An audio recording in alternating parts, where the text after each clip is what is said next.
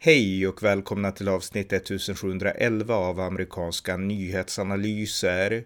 En konservativ podcast med mig, Ronny Berggren, som kan stödjas på swishnummer 070-30 28 95 0. Det är idag en vecka kvar till det spännande amerikanska mellanårsvalen i 2022 års valcykel som hålls nästa tisdag den 8 november. Här gör jag en överblick över hur kandidaterna håller ställningarna i några av de spännande racen och förklarar varför mellanårsvalen är så viktiga. Varmt välkomna! Ja, det är nu bara en vecka kvar till mellanårsvalen i USA och det innebär att det är en slutspurt just nu för oss USA-politiska nördar. Det är nu vi lyssnar på allt som vi kan lyssna på, läser allt vi kan läsa och försöker hänga med så noggrant som möjligt. Därför att amerikansk politik, i synnerhet för oss i Sverige, är ju inte bara allvar utan det är också en enorm underhållningsfaktor eftersom amerikansk politik fungerar så annorlunda än svensk politik och amerikanska politiker är så annorlunda än man är i Sverige. De är mycket mer spontana, mycket mer sig själva, mycket mer öppna men också mycket mer liksom, eh, ja, alltid mycket mer pampigt och större på alla sätt än det i Sverige. Så att eh, det finns en viss eh, idrottspullfaktor eh, här också i att följa amerikansk politik från Sverige och i synnerhet. Och eh, jag har ju mina poddar om det här mellanårsvalet djupdykt i olika delstater och olika race. I det här avsnittet så tänkte jag mest teckna den övergripande bilden igen och påminna om vad som står på spel. Och det som står på spel är följande. Hela representanthuset med dess 435 platser är up for grabs och eh, just nu så styr Demokraterna representanthuset med Nancy Pelosi som Speaker of the House. Eh, Republikanerna har dock väldigt goda möjligheter, goda utsikter att ta över representanthuset. Allt tyder på att de kommer att göra det. Och eh, om det blir så så kommer det att innebära att Nancy Pelosi får lämna och Republikanernas majoritetsledare i representanthuset, Kevin McCarthy, han kommer då att bli Speaker of the House.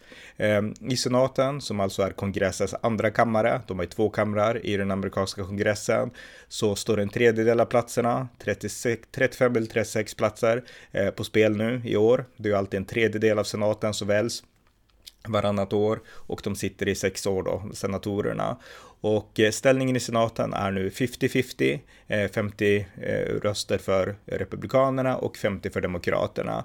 Men det innebär att det är demokraterna som styr senaten, därför att i sådana tillfällen så har vicepresidenten en utslagsröst och vicepresidenten Kamala Harris är ju demokrat, så att därför så styr demokraterna senaten. Men det ter sig ändå allt mer eh, troligt att republikanerna kommer att ta över senaten. Det var inte säkert för några veckor sedan. Eh, I representanthuset så är det nästan, alltså alla bedömer att republikanerna kommer att ta över. Frågan är bara hur stort. Så har det inte sett ut i senaten, utan där har det gått lite fram och tillbaka. Ska demokraterna lyckas behålla makten om senaten eller ska republikanerna ta över? Men nu, bara de senaste två veckorna kan man säga, så tycks det vara, allt tycks mer tyda på att republikanerna faktiskt kommer att ta över och det beror på ett antal nyckelrace ute i landet, inte minst i Georgia, där det ändå ser ut som att Herschel Walker kommer att besegra den sittande demokratiska senatorn Raphael Warnock. Det är inte alls säkert, men mer och mer tyder på att möjligheten finns i alla fall.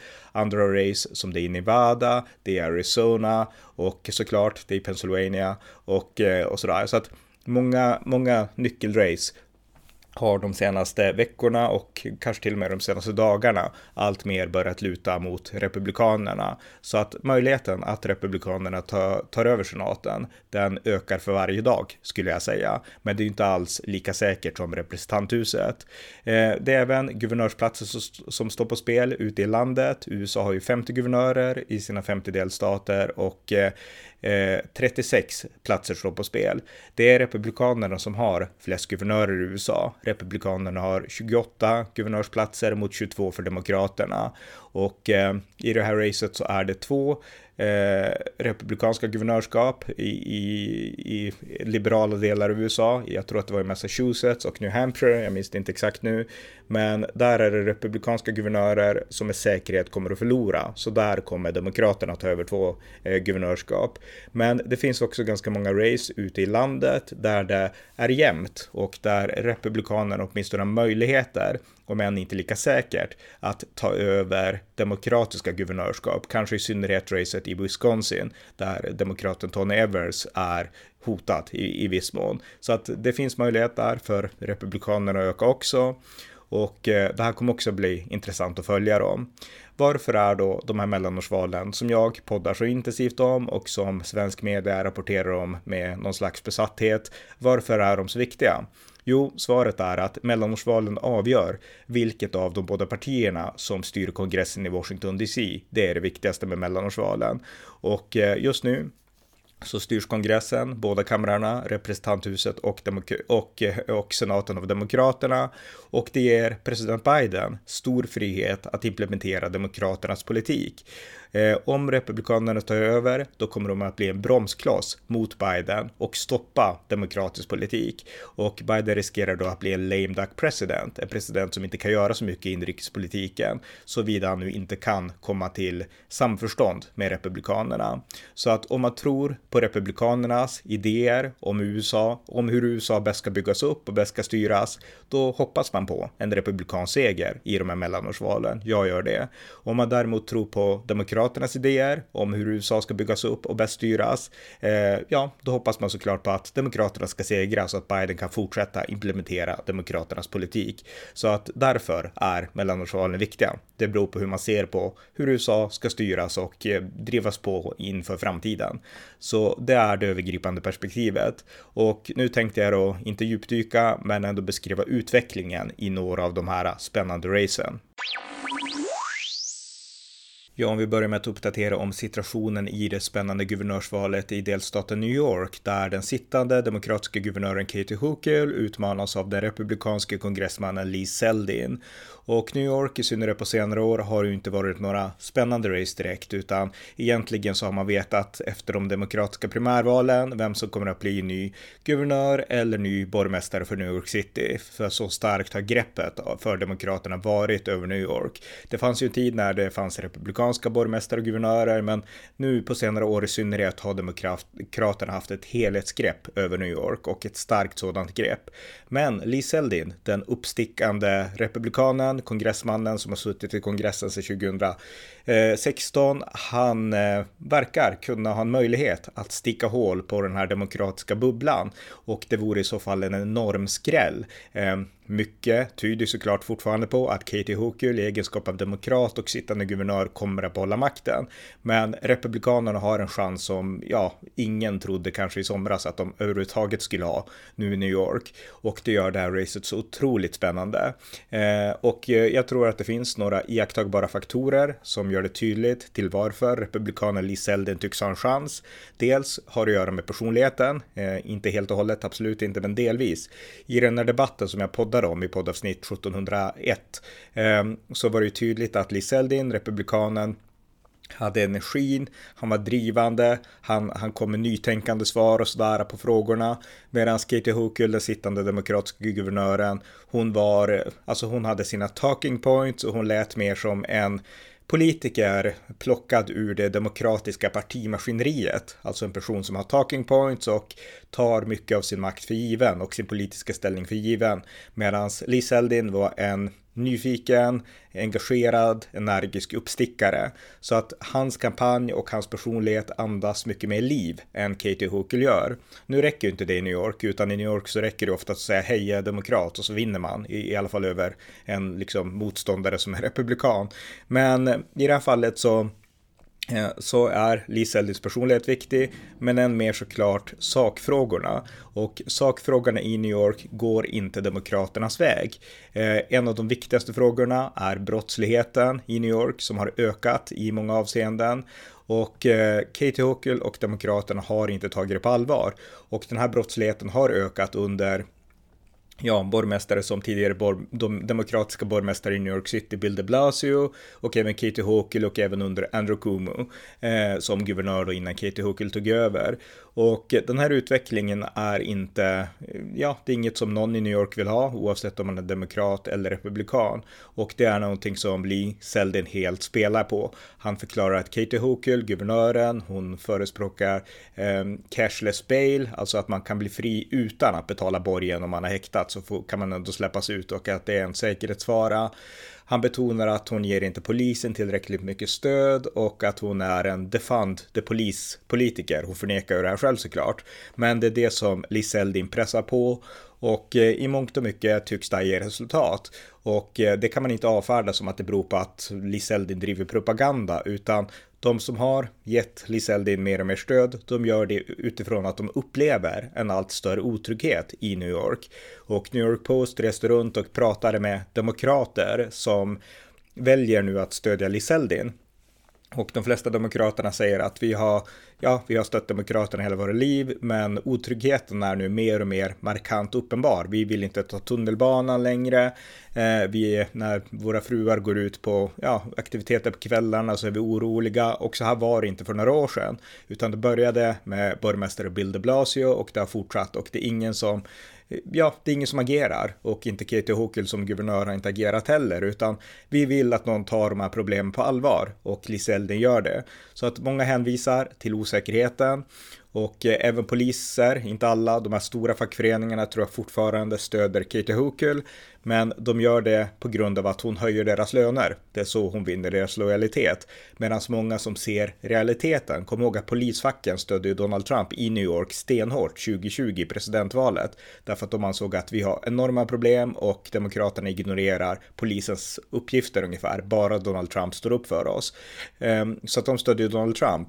Och det finns också stora polisorganisationer i New York som stöder Liseldi nu därför att de tror på honom sakpolitiskt, även om de kanske gillar Demokraterna har enorma kopplingar i fackföreningarna i New York och det gäller polisfacken också så att det finns en allians mellan fackföreningarna och partiet precis som det finns och har funnits en allians mellan fackföreningen och Socialdemokraterna här i Sverige. Men precis som i Sverige så börjar verkligheten nu skaka om, alltså att det finns en diskrepans mellan verkligheten och eh, den bild av verkligheten som maktpartiet vill måla upp, Socialdemokraterna här och Demokraterna i New York då. Och den diskrepansen gör att det blir slitningar i fackföreningarna och det kan man också märka då i polisfacken i New York där det ändå finns många som tydligt stöder Lee Zeldin. Så att Republikanerna fått en oerhörd möjlighet nu att kunna vinna guvernörsvalet i New York. Och ska vi titta då på opinionsmätningarna så visar de också att det är oerhört spännande.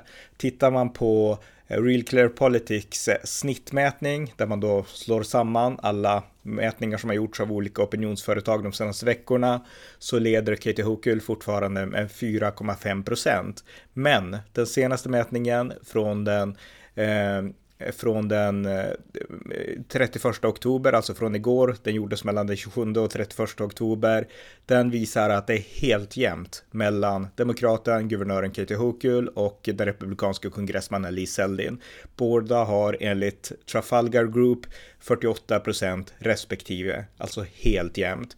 Och eh, det här var ju verkligen ingenting som någon skulle ha kunnat trott i somras, utan då tänkte man att Demokraterna vinner som det i princip alltid är. Men nu finns det en möjlighet och eh, den tycks öka för Lee Seldin att verkligen slå sig in här i den här eh, djupt demokratiska delstaten. Och det här har skrämt upp Demokraterna och The Democratic Governors Association. De har nu gjort en specialkommitté som de har skapat som ska kunna ge eh, guvernör Katie Hochul extra anslag utifrån från det demokratiska partimaskineriet och republikanerna och republikanska PACs utifrån. De superpumpar in pengar nu till Lee Seldin, därför att nu har det blivit en toss-up i New York i guvernörsvalet. Och det var det som sagt ingen som trodde för några veckor sedan. Och ofta så är det ju så att både superpacks men kanske ännu mer partiapparaturerna, de undviker att kasta in pengar i fel race. Alltså de lägger inte pengar på ett förlorat kaos och de lägger inte pengar där de vet att eh, partiet vinner av sig själv nästan, utan de lägger pengar där de tror att det finns en chans. Och i normalfall behöver Demokraterna inte lägga extra pengar på New York, men nu känner man att man behöver göra det. Så att det här är ju en enorm framgång för Lee Zeldin, därför att det här är en konservativ republikan, han är en Trump-republikan egentligen i alla avseenden. Och man kan tycka att han borde inte ha en chans i New York, men det har han. Och det beror på att Demokraterna helt enkelt inte klarat av att analysera samtiden, brottsligheten och eh, de saker som bekymrar vanliga New York-bor. Och New York Post hade också en annan artikel där de skrev om en, eh, en Asian American från Hongkong i grund och botten som var demokrat länge. Men han var kritisk till den progressiva politiken som Demokraterna förde. Och han sa att det här är ett land där vi, vi tror på fri företagsamhet och konkurrens och så, men det har försvunnit under Demokraterna. Och han tog skolvärlden som exempel. Nu behöver man inte arbeta hårt i skolorna för att komma in på högre utbildningar eller kanske inte ens för att få arbeten, utan allt ska vara jämlikt. Och det innebär att det är ingen som orkar plugga och satsa på att få bästa betyg längre, därför att eh, den som får ett dåligt betyg kan också komma in på samma skola. Så att det underminerar liksom drivkraften hos människor. Demokraternas politik noterade den här mannen då som var Asian American. Och eh, han ansåg att Demokraterna gör inget åt det här, utan det behövs nytänkande när det gäller företagsamhet och konkurrens och de här urgamla amerikanska principerna som även New York har präglats mycket av såklart. Eh, och han ansåg därför att eh, Lee Seldin for governor, att det var vägen framåt. Och eh, det finns eh, många demokrater även i, alltså i New York City nu som, som alltid har varit demokrater som sätter upp sådana här eh, selding-governor-skyltar på sina, bak, på sina gårdar och liksom sina, eh, ja, sina dörrar och sådär, hus. Eh, så att eh, stödet för Lee ökar bland demokraterna och eh, ska Lee vinna så måste han ju få stöd från demokrater också. Det är helt nödvändigt i New York så att han måste få besvikna demokrater att lämna och överge Katie Hochul. Och där kommer återigen det här med personligheten in eftersom han ändå har en energisk, livlig personlighet och de flesta ändå kan se, som ser Katie Hochul, de, de, de tycker att hon verkar tråkig, hon är inte liksom intressant och många progressiva i New York, de är inte heller det minsta entusiastiska över Katie Hochul. Så att Lee Seldin har en chans i New York. Det är ju fortfarande alltså, man ska inte ta någonting i förskott här, utan det är fortfarande relativt troligt att Katie Hochul behåller makten i New York. Något annat kan inte sägas. Men det finns en chans för Republikanerna att skrälla och det om, nog, det, det om något är stort nog tycker jag. Så att håll ögonen på New York inför den 8 november. Lee Zeldin, Republikanen, kan möjligtvis bli New Yorks nästa guvernör. Ja, ett annat guvernörsrace som det också är värt att hålla ögonen på, det är guvernörsracet i delstaten Oregon på västkusten. Och eh, jag poddade om det för, några, för en dryg vecka sedan i poddavsnitt eh, 1695 den 22 oktober. Och eh, i Oregon så har Republikanerna nu en unik möjlighet att bryta 40 år av demokratiskt styre. Och det kommer att brytas om den republikanska guvernörskandidaten Christine Drazan vinner valet. Christine Drazan, hon är 50 år gammal, republikan då, och eh, hon vill styra upp Oregon för att hon anser att Oregon har spårat ur. Att det är en delstat och framförallt Portland i Oregon, men även andra städer med stor brottslighet, med hemlöshet på gatorna, öppen hemlöshet och liknande. Och jag såg ett eh, ett inslag på Oregon-nyheterna nyligen där de pratade om att eh, olika borgmästare, Ted Wheeler i Portland och eh, andra borgmästare runt om i Oregon, de har nu tagit initiativ för att få bukt på den öppna hemlösheten, alltså när folk tältar i parker, på gator, längs trottoarer och det var också ett inslag om en grupp handikappade i Oregon, alltså de som åker eh, rullstolar, permobiler och liknande som stämmer eh, om det är delstaten eller om det var Portland eller någon annan stad, men som stämmer myndigheterna. Därför att de anser att det här bryter mot handikappades rättigheter att kunna ta sig fram. Det går inte längre för det är hemlösas tält överallt och eh, det är svårt och besvärligt och det finns ingen hänsyn och de kan inte röra sig i det offentliga längre, säger de i alla fall. Och eh, de ska nu nå ett avtal med, med myndigheterna och eh, diskutera hur man ska lösa det här. Men städerna i Oregon, de börjar försöka styra upp det här och eh, ni som minns 2020, ni minns ju att det var väldigt mycket laglöshet i Portland i Oregon i synnerhet. Black Lives Matter, Antifa, mycket våld, upplopp mot polis och så här och vanliga medborgare som, som backar helt enkelt och inte vill vara en del av det där. Och det är någonting som Kristin Dreysen vill bryta.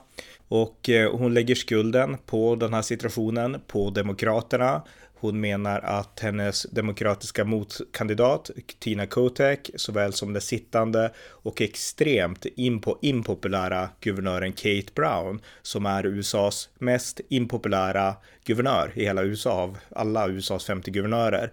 Hon anser då eh, republikanen Christine Drazan att det är deras fel att, att det ser ut så här, att det är demokraternas fel och de demokratiska toppolitikernas fel att Oregon har spårat ur som det har gjort och hon vill styra upp det.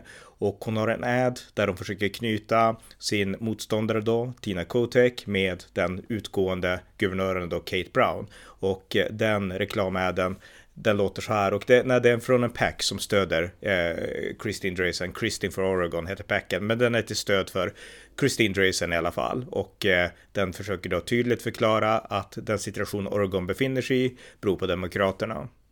Speaker Tina Kotek and Governor Kate Brown. A decade of bad decisions and failed policies. Kotek voted with Brown 99% of the time. Together, they brought us a homeless crisis, higher taxes, and released dangerous criminals back on our streets. A vote for Tina Kotek is four more years of Kate Brown, and we can't afford four more years of the same. It's time for a change. Paid for by Friends of Christine Drazen, PAC ID 19050. Och eh, finns det då någon chans för en republikan som Christine Drayson att vinna? Svaret på det är ja. Och nästan alla blickar är nu riktade mot Oregon därför att det, har, det här har blivit en riktig nagelbitare. En snittundersökning som jag nu läste nyss visar att Christine Drayson, eh, republikanen då, leder med 40,7 procent mot 39 procent för demokraten Tina Kotek. Och det här är ju, ja, det här är extremt jämnt och ingen trodde väl kanske i somras i det här fallet också att det skulle bli så här jämnt som det nu är. Och eh, Demokraterna, de har skickat sina höjdare till Oregon. Eh, president Biden har varit där och manat partiet att rösta, verkligen nu gå ut och rösta och rösta på demokraten Tina Kotek. Och Bernie Sanders har varit där och också kampanjat då för demokraten Tina Kotek och eh, man gör nu allt för att inte förlora Oregon till Republikanerna. Man har styrt i Oregon i 40 år och vill gärna fortsätta styra där. Eh, men sen är det så här också att eh, eh, Republikanen Christine Dreysan, hon verkar också ha gynnats av Eh, att det är en tredjepartskandidat med i det här racet, 71-åriga Betsy Johnson. Och i mitt förra poddavsnitt om Oregon så berättade jag om debatten där de här tre, Christine Drazan, republikanen, Tina Kotek, demokraten och den oberoende Betsy Johnson debatterade. Och Betsy Johnson är en avhoppad demokrat som kandiderar som oberoende därför att hon anser att demokraterna och eh, Tina Kotek har drivit partiet alldeles för progressivt, långt åt vänster på ett sätt som inte representerar vanliga Oregonians, vanliga arbetarpersoner eh, i Oregon. Och eh, det är de som den här eh, äldre damen vill stå upp för genom att kandidera som oberoende. Och där har eh, gynnat republikanen såklart, eh, Christine Drazan. Men när Biden var i Oregon nyligen och manade demokrater då att verkligen rösta på demokraten Tina Kotek så bedömer många att det här kommer att innebära att många väljare, förmodligen demokrater som nu har lagt sin röst eller tänkte lägga sin röst på Betsy Johnson för att hon representerar de gamla demokraterna så att säga då. De kanske tänker till igen och lägger ändå rösten i sista sekund på den faktiska demokratiska kandidaten Tina Kotek. Och det skulle innebära att de eh, missnöjesröster, om man kan säga så, eh, som finns kvar, det skulle vara missnöjda republikaner. Så i slutändan kanske det kan bli så att Betsy Johnson själv röster från Christine Drazan och kan vara en last för henne. Det är svårt att veta det här så här i förhand såklart, med det är teorierna och spekulationerna som går. Så att vi får se hur det går i delstaten, men det är i alla fall extremt jämnt och det är ju hoppfullt om något för republikanerna. Och eh, Christine Drazan, hon verkar väldigt proffsig, hon framstår karismatisk och eh, passar väldigt bra i tv och sådär. Alltså att hon skulle förmodligen bli en utmärkt guvernör i Oregon och ett starkt namn inom det republikanska partiet om hon vinner. Vi får se den 8 november. Men guvernörsracet i Oregon, håll ett öga på det också. Ett annat race som jag faktiskt inte har hunnit podda om, det är det pågående senatsracet i Arizona. Eh, jag kan ha nämnt kandidaternas namn i någon podd, men jag har inte gjort något djupgående avsnitt om den här senatsfighten. Men den står i alla fall mellan den sittande demokratiska senatorn Mark Kelly och hans republikanske utmanare Blake Masters. Och eh, det har också funnits en tredje person i det här racet och det är libertarianen Mark Victor.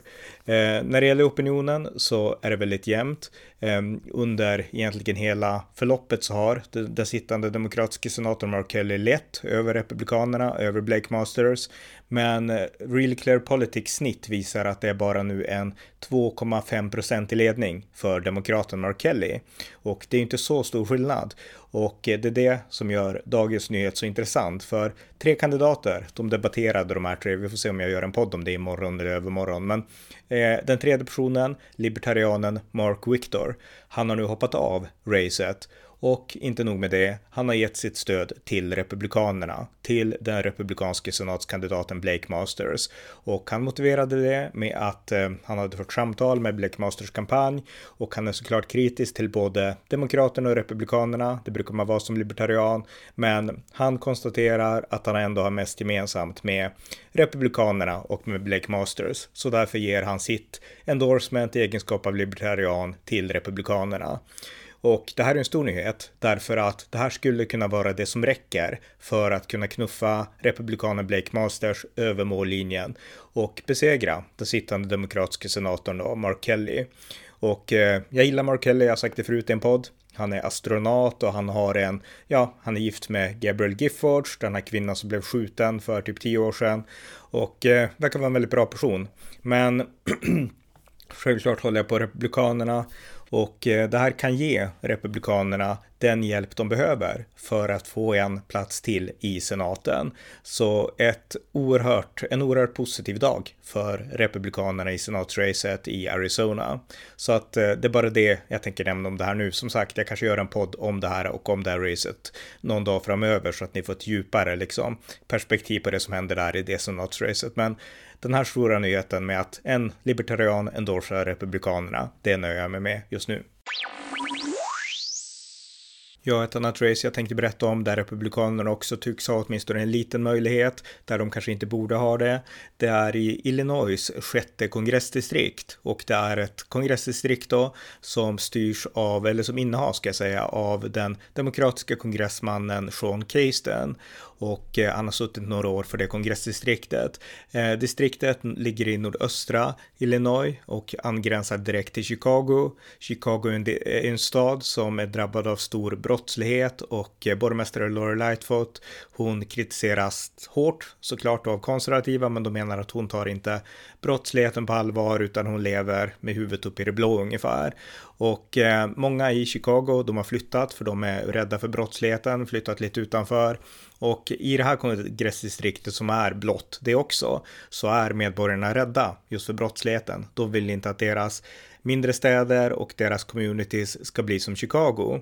Och det är det som den här republikanen Keith Picao, som är borgmästare i Orland Park i det här distriktet, det är det som han kampanjar på, lag och ordning. Och han kampanjar specifikt mot någonting som heter Illinois, Illinois Safety Act och det är en lag som ska träda i kraft 2023, alltså nästa år, och så kommer att stoppa cash bail, alltså att man måste betala en summa pengar för att bli utsläppt från häktet, alltså borgensumma helt enkelt, och att det ska göras, alltså att man behöver inte betala något utan man får komma ut i alla fall. Och det här är ju någonting som konservativa är kritiska till överallt i hela landet, men som demokraterna generellt är för. Eh, vissa har ju börjat backa nu när man har insett att det här är impopulärt, men i grund och botten har demokraterna varit för det på många håll på ett helt annat sätt, medan republikanerna är konsekvent emot. Och det är det som den här eh, republikanska utmanaren då Eh, trycker på lag och ordning och att demokraterna kommer att göra distriktet osäkert. Eh, såväl mördare som bilkapare kommer att eh, sitta slippa häktade och få komma ut och då finns risken och den är ganska stor att de begår nya brott. Och eh, det här är någonting som eh, som Kit Pecora, republikanen, säger att väljarna är djupt bekymrade över det här. Och eh, fortfarande, enligt bedömare, så lutar distriktet mot fortsatt demokratiskt styre av Sean Casten. Men Republikanerna tycks ha en chans och de har det på grund av att de kampanjar tydligt på lag och ordning och lag och ordning är någonting som väljarna efterfrågar. Och som jag sa inledningsvis, Republikanerna kommer med all sannolikhet att vinna representanthuset och eh, möjligheten finns också då att den här republikanen, borgmästaren Keith Picot, blir en ny kongressman för Republikanerna. Så det där var en uppdatering om några av de spännande racen som jag pratade om lite tidigare och eh, man kan göra fler uppdateringar om andra race och andra delstater. Men det får vänta tills eh, imorgon kanske eller dagen därefter. Men det här är intressant och det är väldigt spännande och det utkristalliserar sig en tydlig eh, strategi från Republikanernas sida anser jag, oavsett nästan vart man än tittar. Eh, det är mycket att man betonar överallt såklart, inflationen, hur farlig den är för USA och att det är Joe Bidens fel, Joe Bidens inflation ungefär. Eh, och eh, på västkusten, inte minst, men även i städer som New York så är det brottslighet.